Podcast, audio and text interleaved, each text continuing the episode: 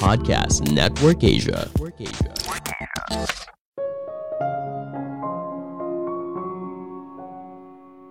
Uang bisa mengubah perilaku seseorang. Kita bisa jadi tidak sensitif dan kurang empati terhadap orang lain. Halo semuanya, nama saya Michael. Selamat datang di podcast saya, Sikutu Buku. Kali ini saya akan membahas apakah memiliki uang lebih banyak justru membuat kamu jadi orang yang rese. Ini merupakan rangkuman dari video TED Talk Paul Piff yang berjudul Does Money Make You Mean dan diolah dari berbagai sumber. Apakah uang membuat kita jadi orang yang jahat? Riset membuktikan ketika seseorang memiliki uang yang lebih banyak, maka mereka cenderung menjadi orang yang kurang empati dan sensitif. Mereka cenderung lebih egois dan tidak memperdulikan kesejahteraan orang di sekitar. Mereka juga cenderung tidak mau membagikan uang yang mereka miliki.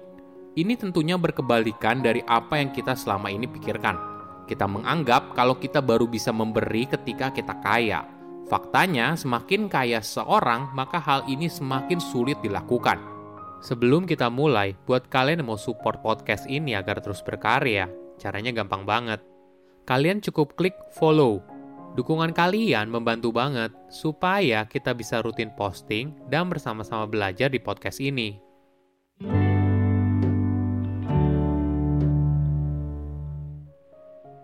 Tidak peduli di mana posisi ekonomi kamu saat ini, sangat sulit untuk keluar dari pengaruh uang. Pendidikan, profesi, pasangan, bahkan kesehatan, semua mungkin saja terhubung dengan uang. Jadi tidak aneh apabila ada anggapan kalau uang memiliki pengaruh besar dan menentukan cara kita melihat dunia. Tentunya uang bisa memberikan kamu kebebasan dan kontrol lebih atas hidup kamu namun di sisi lain, kekayaan bisa cenderung membuat kamu jadi orang yang egois dan melanggar norma atau etika. Apalagi jika kamu punya anggapan kalau kamu harus menggunakan setiap kesempatan untuk menghasilkan uang sebesar-besarnya. Coba bayangkan sebuah permainan monopoli. Cuma bedanya, permainan ini sudah dimanipulasi. Kamu punya peluang yang lebih besar untuk menang.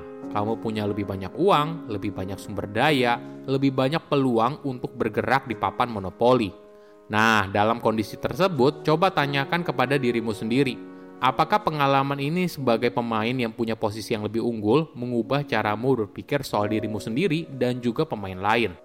Ada sebuah studi yang mencari jawaban dari pertanyaan tersebut. Para peneliti mengumpulkan lebih dari 100 pasang orang asing. Dengan pelemparan koin, maka peneliti akan menentukan siapa dari dua responden itu yang mendapatkan posisi yang lebih unggul dalam permainan. Jadi, responden yang beruntung akan mendapatkan uang di awal lebih banyak. Ketika mereka melewati garis start, maka mereka akan mendapatkan uang dua kali lipat dan mereka juga boleh melempar dadu dua kali dalam satu giliran. Selama 15 menit, para peneliti mengamati apa yang terjadi melalui kamera tersembunyi. Pemain yang mendapatkan posisi yang lebih unggul lalu mulai memperlihatkan sisi dominan dan tanda nonverbal yang menunjukkan kekuasaan. Ketika permainan terus berlanjut, pemain yang kaya mulai menunjukkan perubahan perilaku yang signifikan. Mereka mulai terlihat kasar dan mulai menunjukkan betapa banyaknya uang yang dimiliki. Yang paling menarik, setelah permainan selesai, peneliti bertanya kepada para pemain soal pengalaman mereka.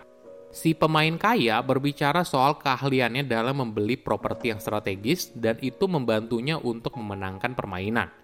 Anehnya, mereka tidak peka atas berbagai ketimpangan yang akhirnya membuat posisi mereka lebih unggul. Permainan monopoli ini sebenarnya bisa jadi gambaran dunia nyata. Kita tidak bisa memilih dari keluarga mana kita dilahirkan. Ada yang dilahirkan di keluarga dengan banyak privilege, ada juga yang tidak. Titik start yang berbeda punya pengaruh besar atas masa depan seseorang banyak studi juga menemukan ketika kekayaan seseorang meningkat, maka belas kasih dan empatinya justru menurun. Sebaliknya, perasaan kalau dirinya berhak untuk mendapatkan sesuatu justru naik.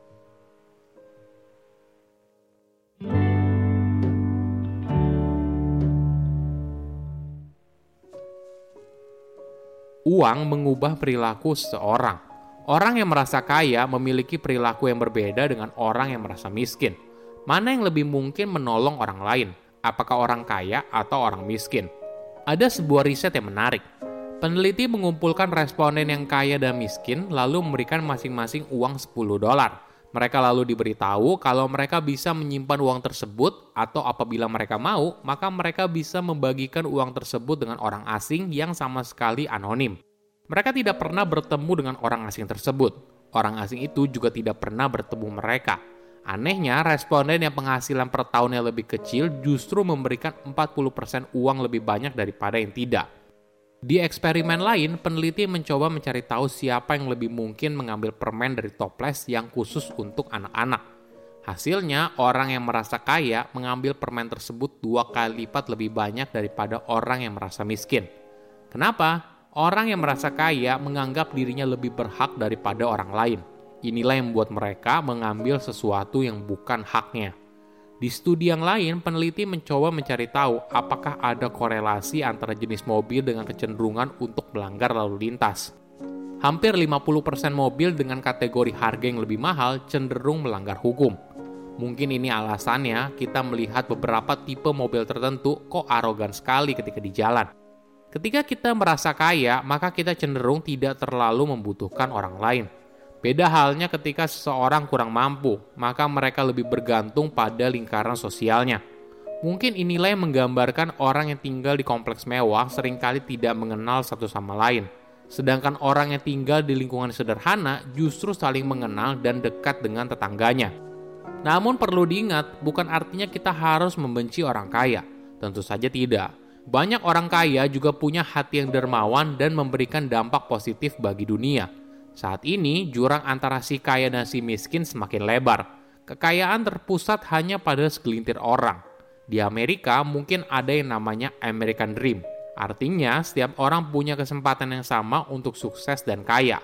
Namun kesenjangan sosial membuat mimpi ini semakin sulit untuk dicapai oleh mayoritas orang Amerika.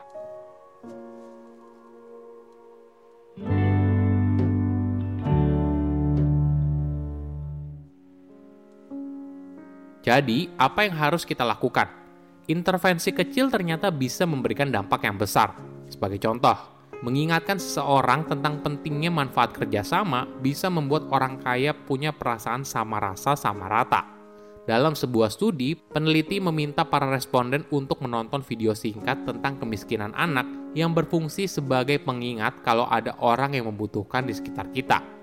Setelah itu, peneliti lalu meneliti apakah para responden bersedia meluangkan waktunya demi orang asing yang sedang kesusahan.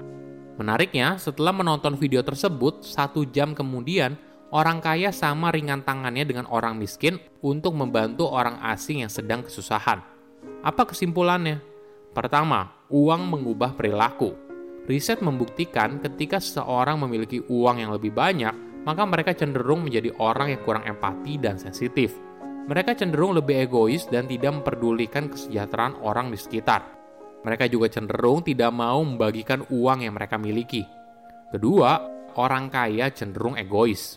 Ketika kita merasa kaya, maka kita cenderung tidak terlalu membutuhkan orang lain. Beda halnya ketika seseorang kurang mampu, maka mereka lebih bergantung pada lingkaran sosialnya. Mungkin inilah yang membedakan orang yang tinggal di kompleks mewah dan orang yang tinggal di lingkungan yang sederhana. Ketiga, dorongan kecil bisa mengubah perilaku. Ketika orang kaya diminta untuk menonton video soal kemiskinan, hal ini bisa menyentuh empati dan belas kasih di dalam dirinya. Hasilnya, perilakunya pun berubah dan bersedia menolong seseorang yang sedang kesusahan. Saya undur diri, jangan lupa follow podcast Sikutu Buku. Bye-bye.